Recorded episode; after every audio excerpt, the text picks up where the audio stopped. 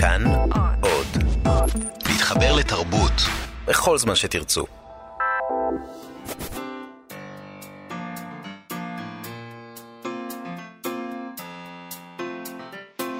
מה שכרוך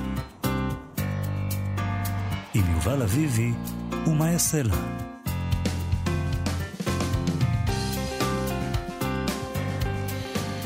שלום, יום טוב, שמחים שאתם איתנו במה שכרוך, מגזין הספרות היומי של כאן תרבות. אה, אתם יכולים להאזין לנו ב-104.9 ו-105.3 FM, אה, ובאפליקציה כאן אודי, ובשלל אפשרויות אחרות.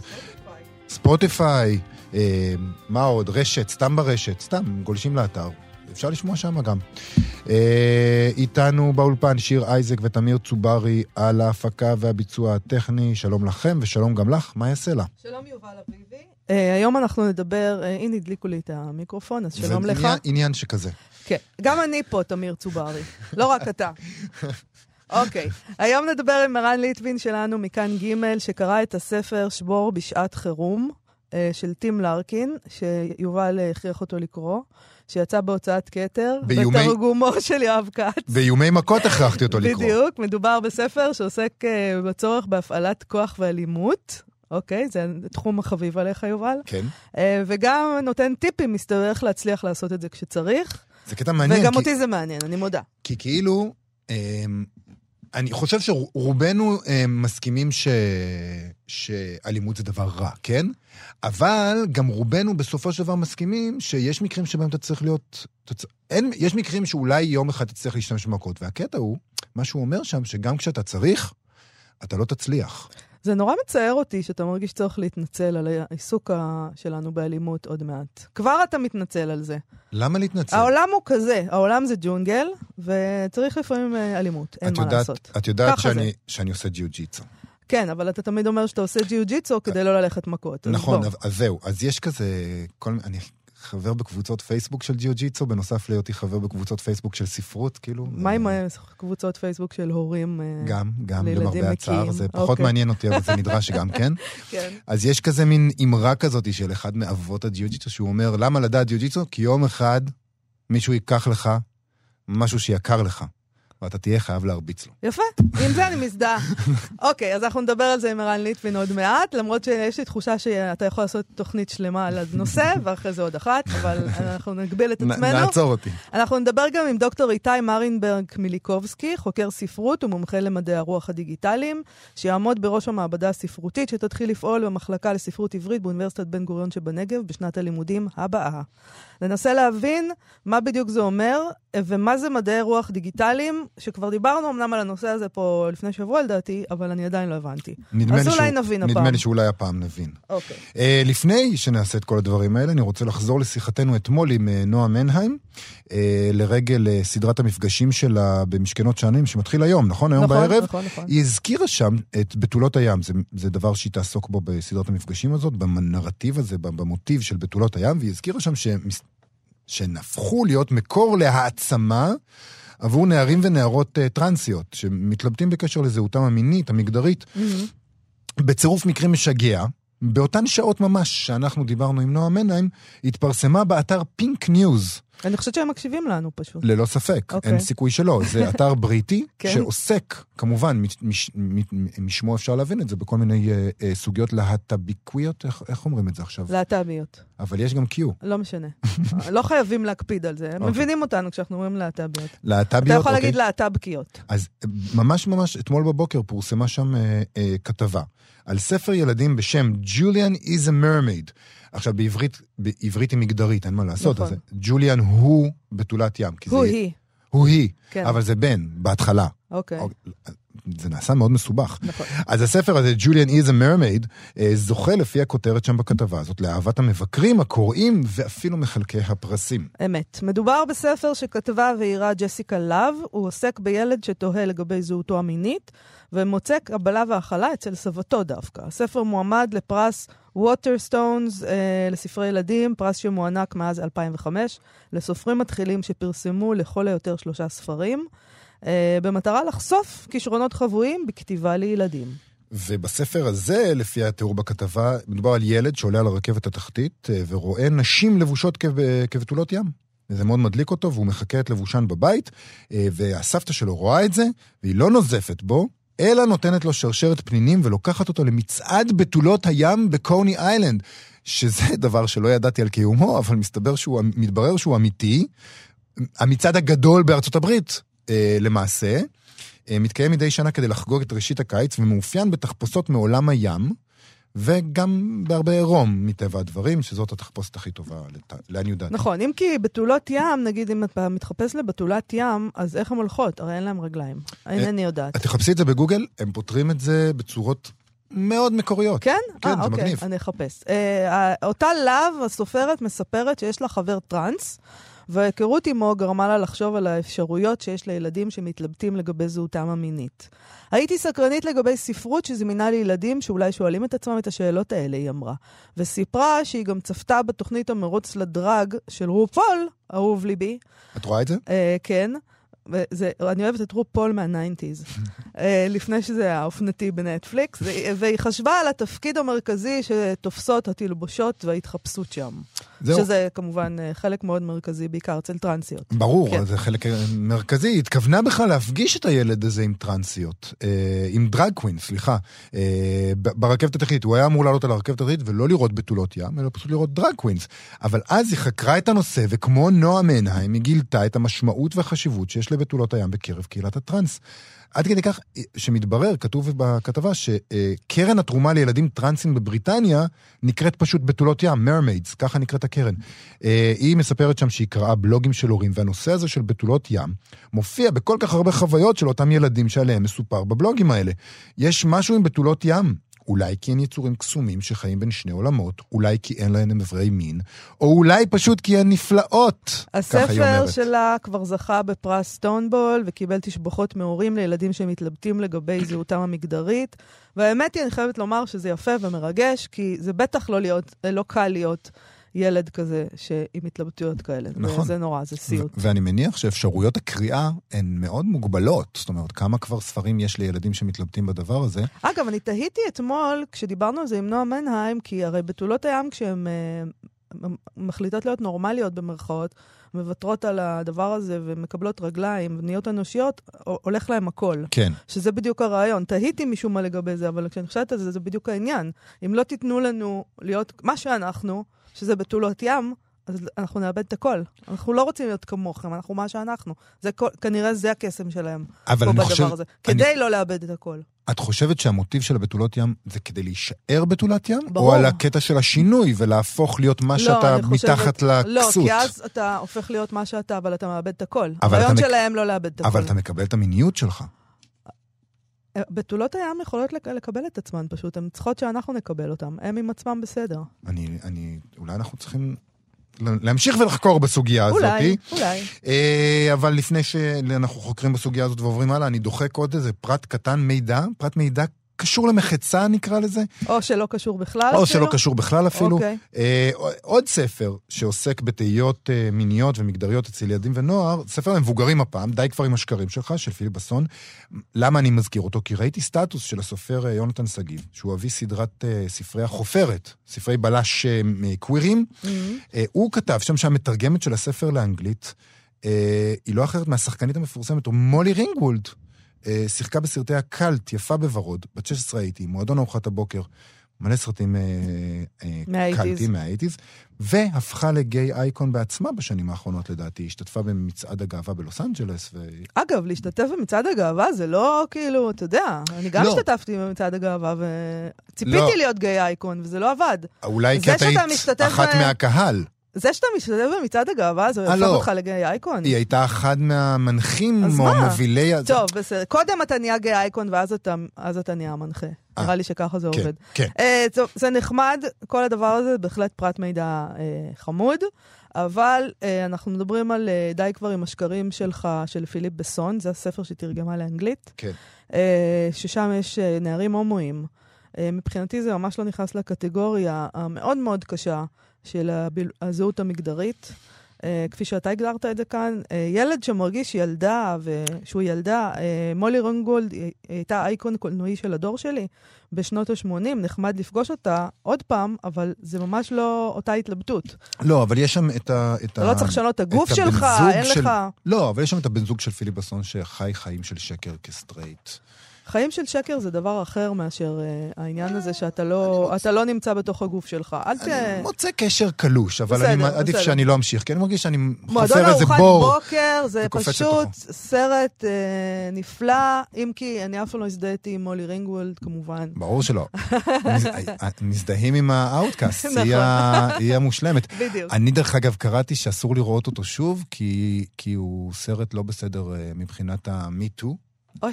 ה MeToo כבר הוקיע את הסרט נו, הזה, באמת. אני לא כל כך טוב, זוכר בסדר. למה, אבל מה זה למה. משנה? אני יודעת למה, אני ראיתי אותו המון פעמים, ברור למה, אבל בחייכם, תניחו לנו, תעזבו אותנו בשקט. אוקיי, okay, דיברנו כאן בעבר על מעבדות ספרותיות ברחבי העולם, uh, והנה בשנת הלימודים הבאה תיפתח באוניברסיטת בן גוריון שבנגב המעבדה הספרותית, ותשמש לפי הפרסומים לחממה למחקר חישובי בספרות עברית ובכלל תחומי מדעי הרוח. אה, היא תשלב פרספקטיבות דיגיטליות חדשות עם גישות מחקריות, מחקריות מסורתיות. בראש המעבדה הזאת יעמוד דוקטור איתי מרינברג מליקובסקי, חוקר ספרות ומומחה למדעי הרוח הדיגיטליים, שכרגע עושה פוסט-דוק באוניברסיטת המבורג בגרמניה. אין לי מושג מה זה מדעי הרוח הדיגיטליים. אה. אז אנחנו החלטנו לשאול אותו. שלום, דוקטור איתי מרינברג מליקובסקי. שלום, שלום וברכה. שלום וברכה. אז, אז נתחיל אולי ב, ב, בשאלה הזאת, מה זה מדעי הרוח הדיגיטליים? אוקיי. אמ, אז ככה, באופן אה, כללי מאוד, מדעי הרוח הדיגיטליים הם אה, איזשהו שם כולל לניסיון לרתום את המחשב לצורכי מדעי הרוח. עכשיו, כולנו מרגישים, יודע, כבר, כבר 20 שנה את ההשפעה של התהליך הזה. אה, נגיד כשאנחנו נכנסים ל... אתר של ספרייה או לקטלוג של מוזיאון, ופתאום אנחנו מגלים שיותר ויותר חומרים מגישים לנו בלחיצת כפתור מהמחשב בבית, בלי לקום מהכיסא. כן. אה, כלומר, דיגיטציה של חומרים, פשוט. נכון, נכון, דיגיטציה של חומרים, של מסורות uh, תרבותיות, של, של אוצרות תרבות. Uh, אני לא חושב שיש מישהו שביקר במוזיאון בעשור האחרון ולא שם לב ש, שדברים השתנו, ואותו דבר אפשר גם לומר על, על ספריות אוניברסיטאיות. אה, עכשיו, כל זה, כל זה נחמד וטוב ויפה, וזה קשור בעיקר, ל, הייתי אומר, לתשתיות. Mm-hmm. עכשיו, מעבדה ספרותית מהסוג שכבר קיים בעולם בכמה מקומות, זה שאנחנו עכשיו מנסים להקים בבאר שבע, אה, מעבדה ספרותית היא חיה אחרת, היא יצור מסוג אחר.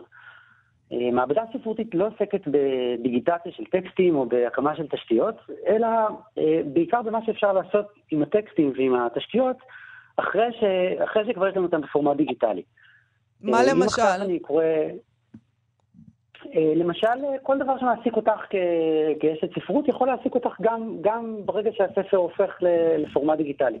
את יכולה לקרוא את אותו רומן וליהנות ממנו ולפתח אה, תיאוריה מסוימת או, או, או, או תובנות כלשהן לגביו, אה, ואז לנסות אה, לחשוב יחד עם המחשב אה, על התיאוריות שלך ועל, ה, ועל הספר עצמו.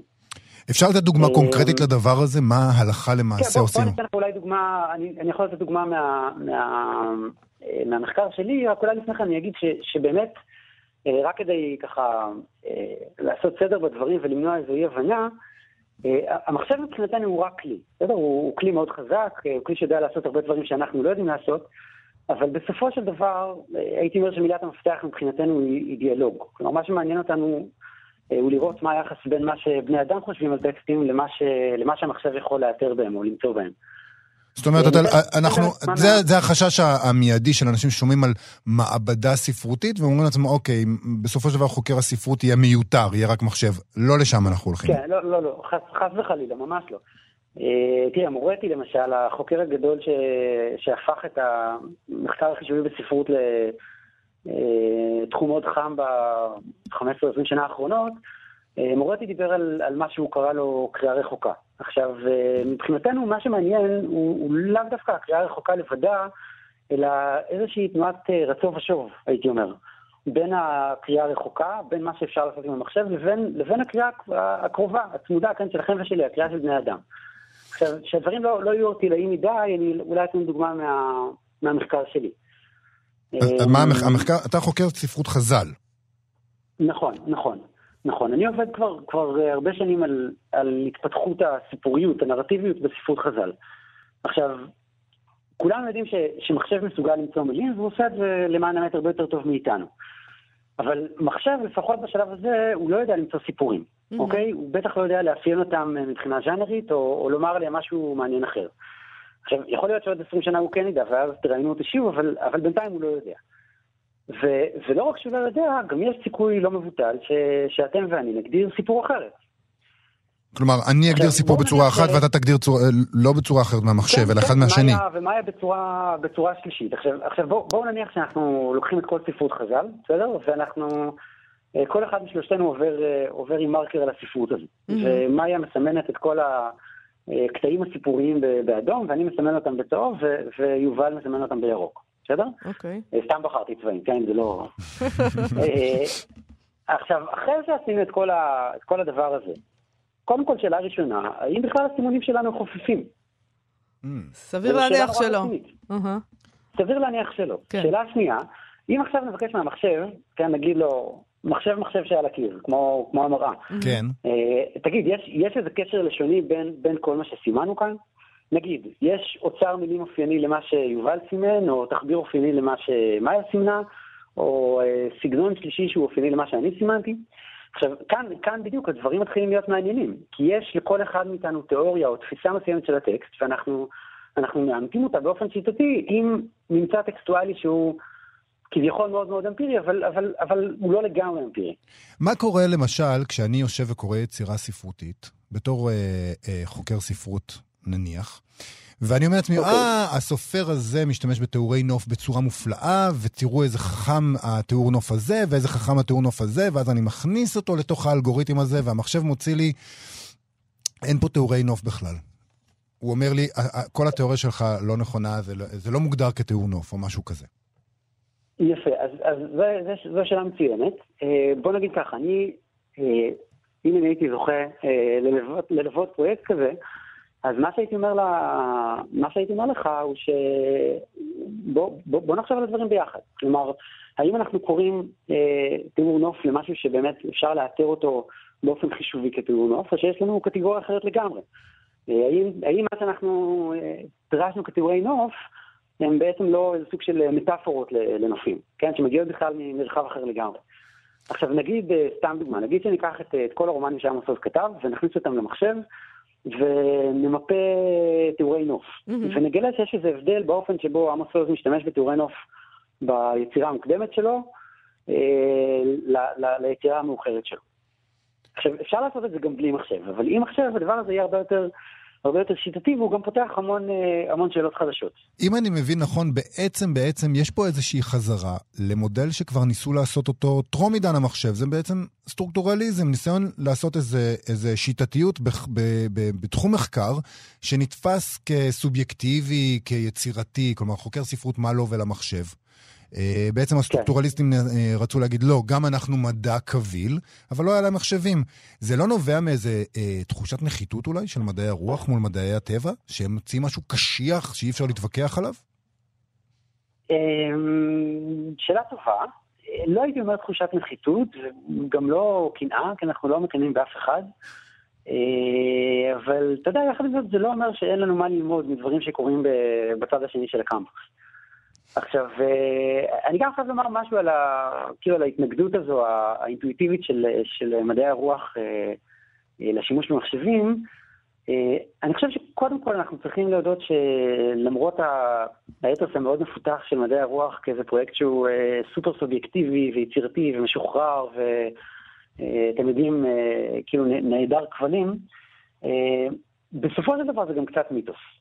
כלומר, בסוף מחקר רציני הוא חייב להיות אה, שיטתי וטקסטואלי ויסודי, אה, ואם אה, סטודנט פיתח תיאוריה שלא עומדת במבחן הטקסט, אז אנחנו צריכים לשים לב לזה.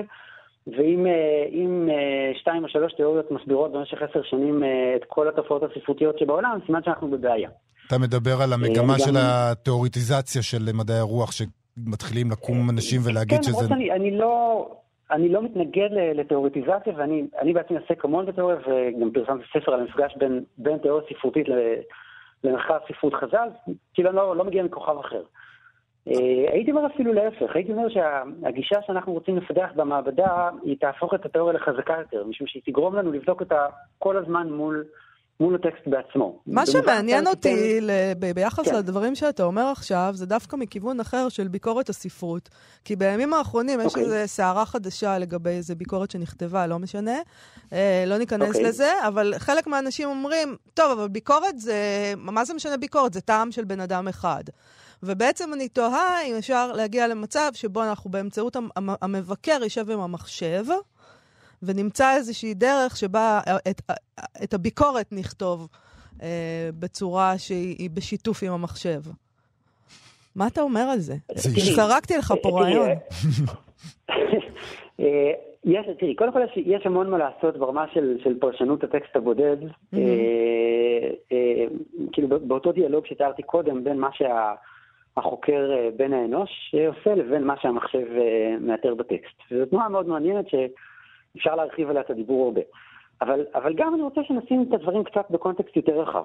אה, כי, כי בסופו של דבר, אם את מסתכלת על, על הפרויקטים הגדולים של ביקורת הספרות, המחקר הספרות במאה ה-20, אה, לומר שמפעל מונומנטלי כמו, כמו המפעל של בכתין, אה, כמו של אוירבך, הם מפעלים שהם אך ורק סובייקטיביים וחופשיים וקשורים רק לשאלות של טעם, זה לא עובד. כן. זאת אומרת, בסוף מדובר בחוקרים דגולים שאיתרו תופעות בקנה מידה עצום, אגב, לפני שהיו להם מחשבים, ו- ומיפו טקסטים בצורה מאוד מאוד רצינית, מאוד מאוד שיטתית.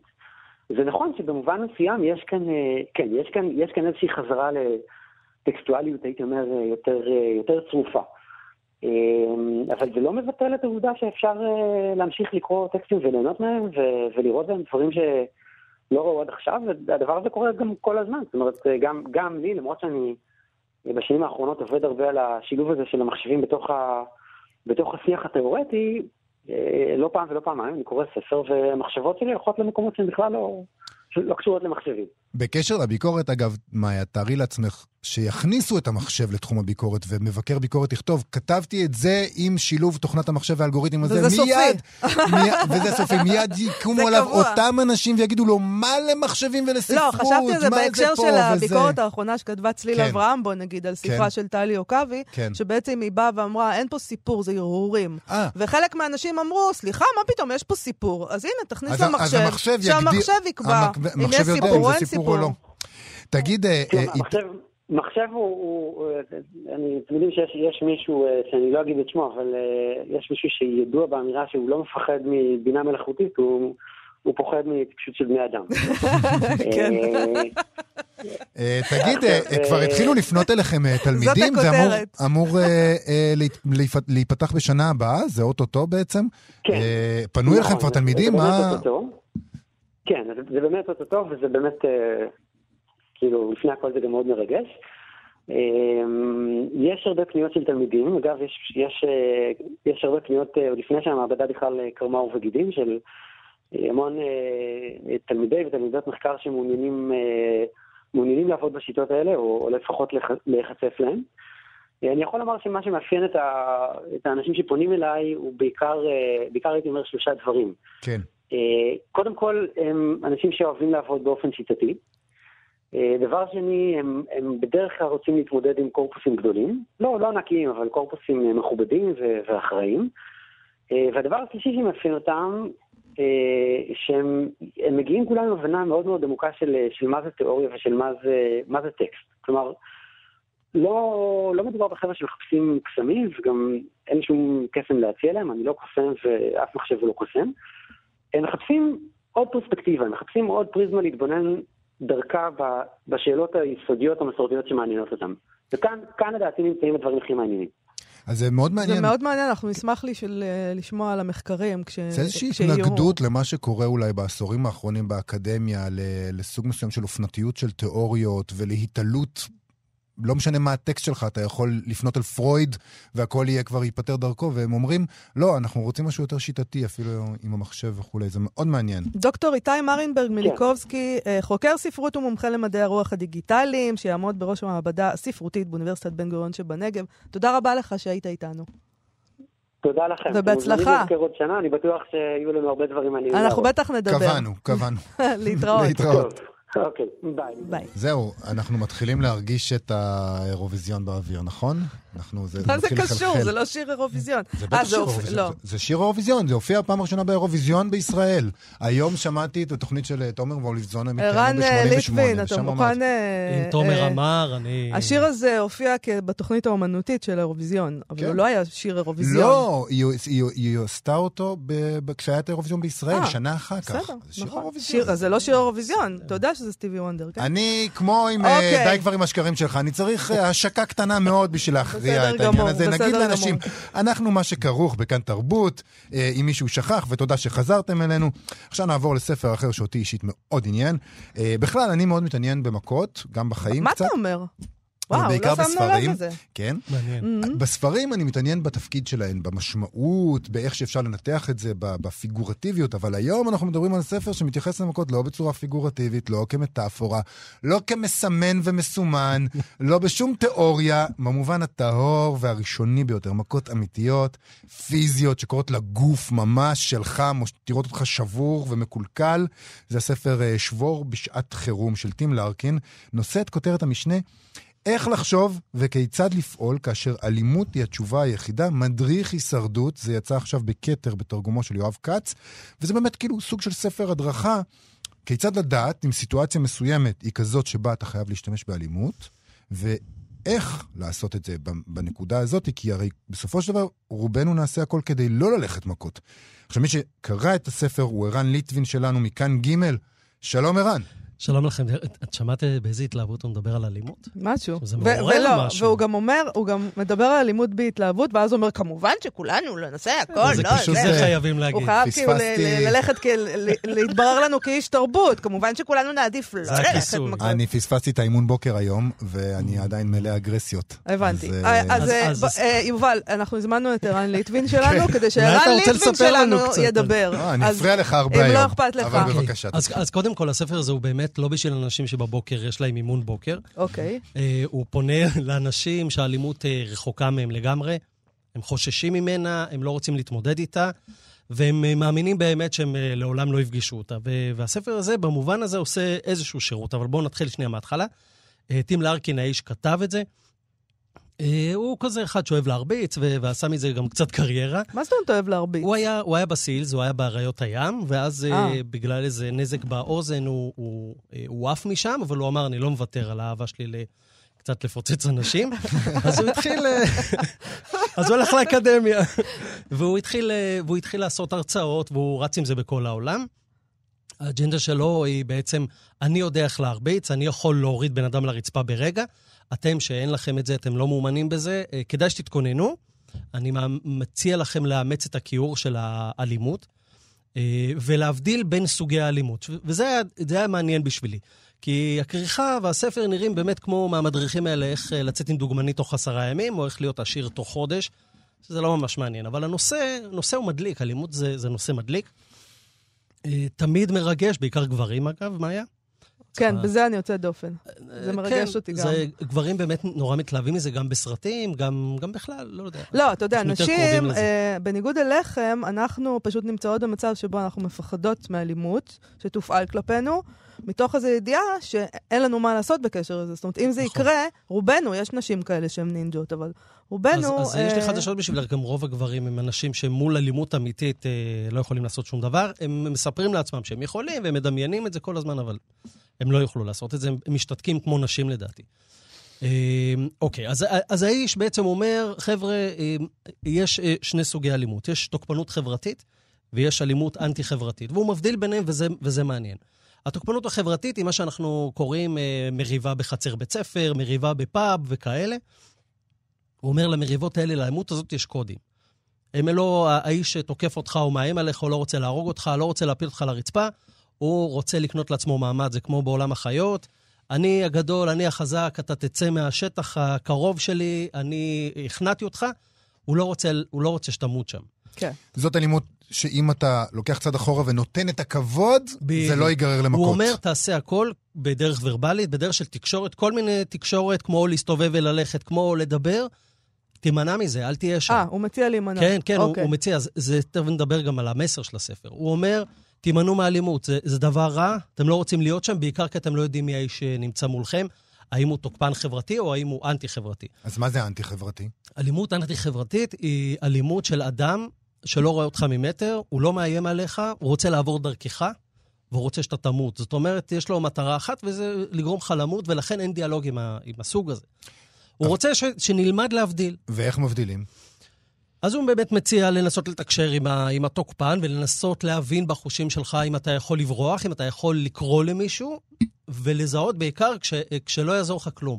שאתה חייב עכשיו להתמודד עם האלימות הזאת. ו- אה, אז הוא בעצם, הספר הזה הוא מסביר איך להתמודד עם אלימות כזאת, שאין לך ברירה אלא להתמודד בדיוק, איתה. הוא זה הקטע. שם את, ה, את הזרקור שלו על זה. לזהות את האלימות ה, ה, שאין ממנה חזרה, שהיא מ-1 עד 0, מ-0 ל-1 ברגע, ולגרום לאיש שמולך פשוט, אה, תהיה אתה הראשון שתוקף.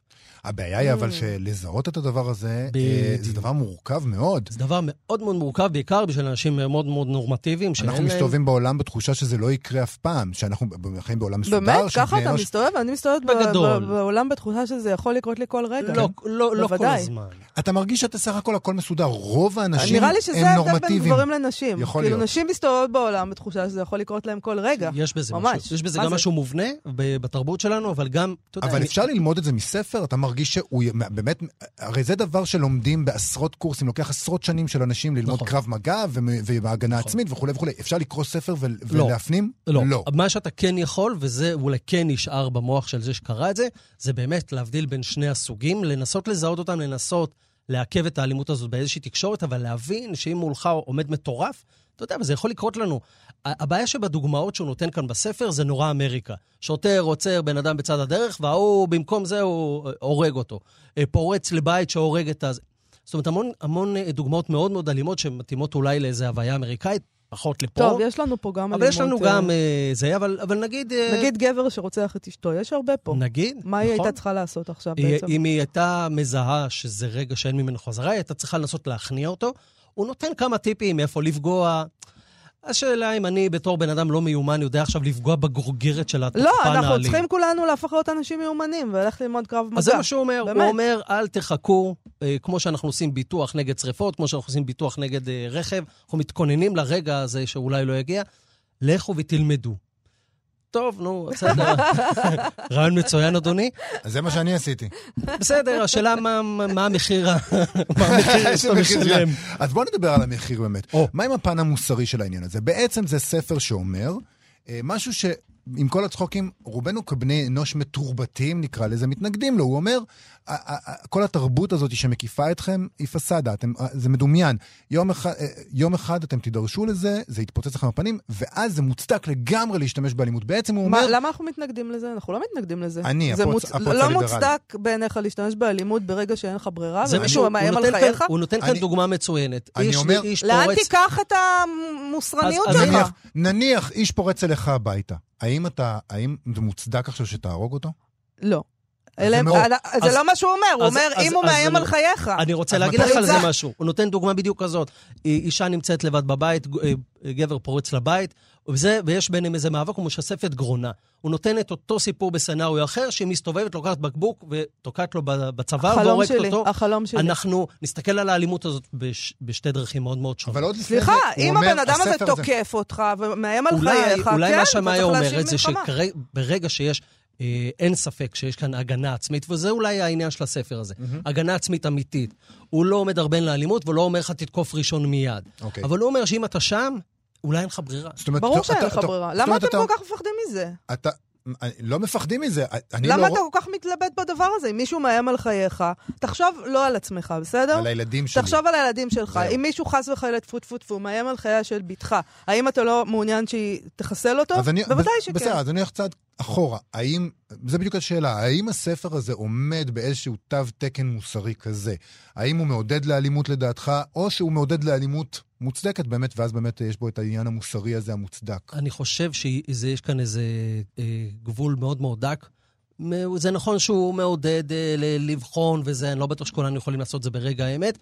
אני חושש שספר כזה, נגיד, שהוא היה נקרא על ידי הרבה מאוד אנשים, היה גורם לאיזה העלאת אה, מתח מאוד גבוהה, ואז ברגע הזה, כשאתה כבר, הדבר הזה נמצא לך במוח, יכול להיות שאתה אה, על הזוז מתוקפנות לאלימות, מהיר מדי, ואתה, מבלבל. ואתה עלול לגמור אירוע כזה שיכול להיגמר בקללות. אתם נורא ו- מצחיקים אותי, אתם מדברים כאילו אנחנו חיים באיזה עולם נקי כזה שאין בו אלימות, ואוי, הספר הזה מועמד... אנחנו חיים בעולם שהוא אלים ברמה שאנשים דוקרים אחד את השני על אבל את לא. נתקלת בזה יום-יום ברחוב.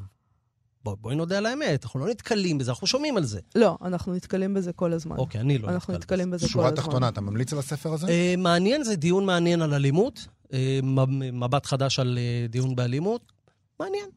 אני אני- ממליצה שכל אחד מאיתנו ידע להתגונן מפני מישהו שמנסה להרוג אותו, זה ואם זה בעזרת ספר, יופי, אם לא, צריך ללכת ללמוד. אפשר לא בעזרת ספר. טלפונים.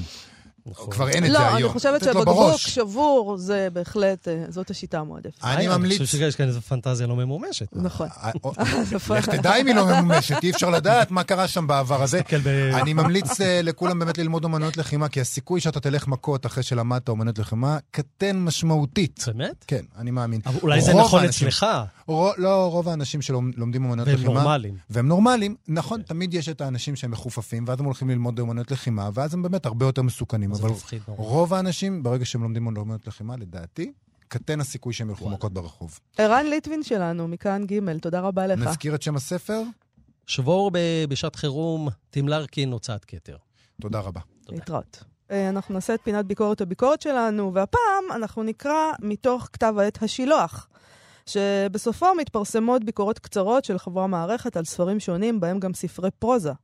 בגיליון האחרון, גיליון 13 שיצא החודש, למשל, יש ביקורות בין היתר על מבקר חופשי, אסופת המאמרים והמסות של ארי גלסנר, על סמוצ'ה של בני מר, אני אומרת את זה נכון, יובל? סמ- סמוצ'ה, סמוצ'ה של בני מר, על הרחק מארצ... מעצי התרזה של יונתן ברג, ועל כל השירים של תרצה אתר אה, שערכה נוגה אלבלח. נכון. אה, על אה, מבקר חופשי של ארי גלסנר, שזה איזה אסופת מסות אני אה, חייבת ביקורות. לומר ש... סליחה שאני קוטעת אותך, בבקשה. שכתב העד הזה, השילוח, מעניין. הוא כתב עת מעניין מאוד, מאוד. ומומלץ. מאוד.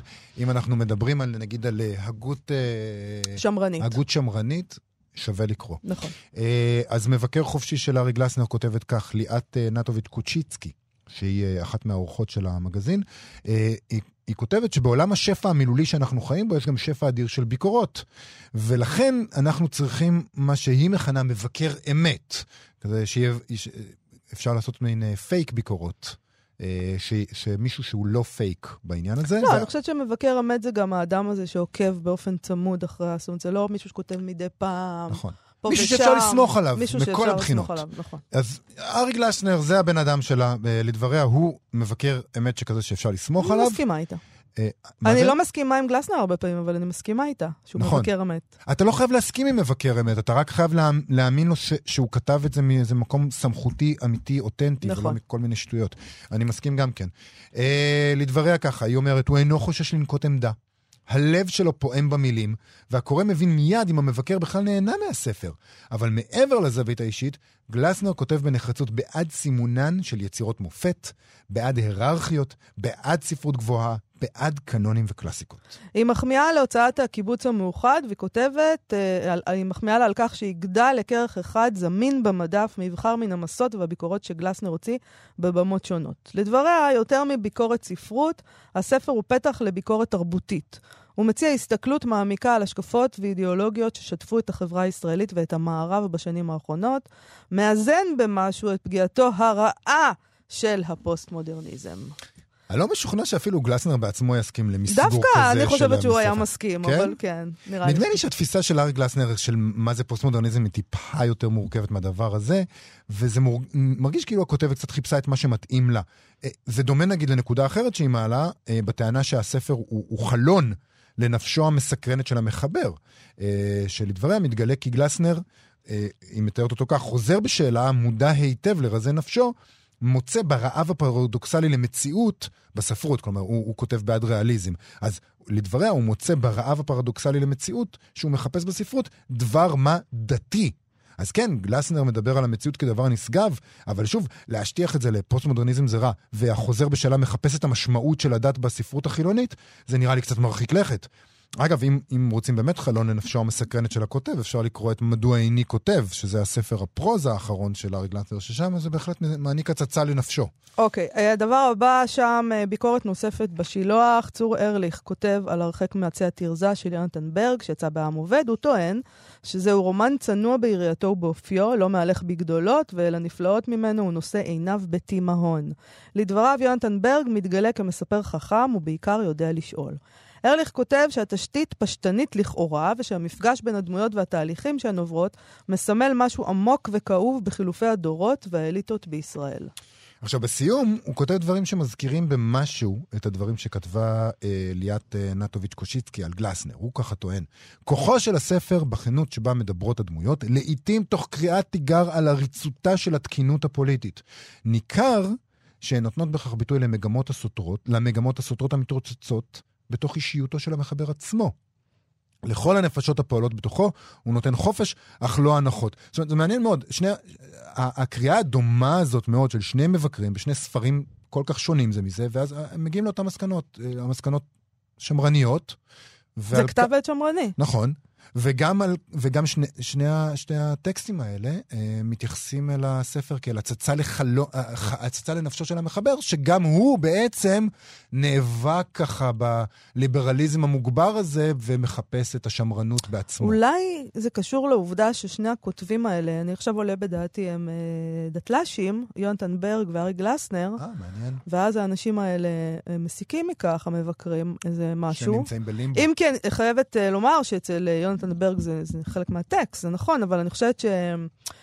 אה, יש היום, אה, זאת אומרת, יש היום את האופנה הזאת, וזה דווקא לא שמרני, להתעסק במחבר ובנפשו mm-hmm. של המחבר, זה, כן. זה לא עניין שמרני, זה פוסט-מודרניזם. לא, השמרנות... אתה לא חושב? כן, אבל השמרנות, אני לא יודע אם זה פוסט-מודרניזם, אבל השמרנות אה, בטקסטים האלה וביחס לנפש המחבר מתייחסת לזה ש...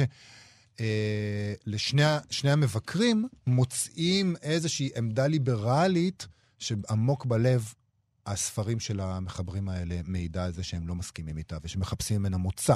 לאן? לעבר הדת, לעבר הנשגב, לעבר השמרנות, לעבר אנטי-תקינות פוליטית. זה מה שהם חיפשו בספרים האלה יותר, אולי... כולנו, אולי זה, אבל אולי זה אתה לא חושב שכולנו האלה. קוראים מהמקום שבו אנחנו עומדים? ללא ספק. אוקיי. זה אז נכון. אנחנו נסיים. Uh, לפני סיום נזכיר לכם, לחפש את כאן אודי בחנויות האפליקציות. Uh, כמובן שאתם מוזמנים לבקר גם בעמוד הפייסבוק שלנו, מה שכרוך עם יובל אביבי ומאיה סלע. תודה רבה לשיר אייזיק ולתמיר צוברי שעשו איתנו את התוכנית. ניפגש שוב מחר, להתראות. להתראות.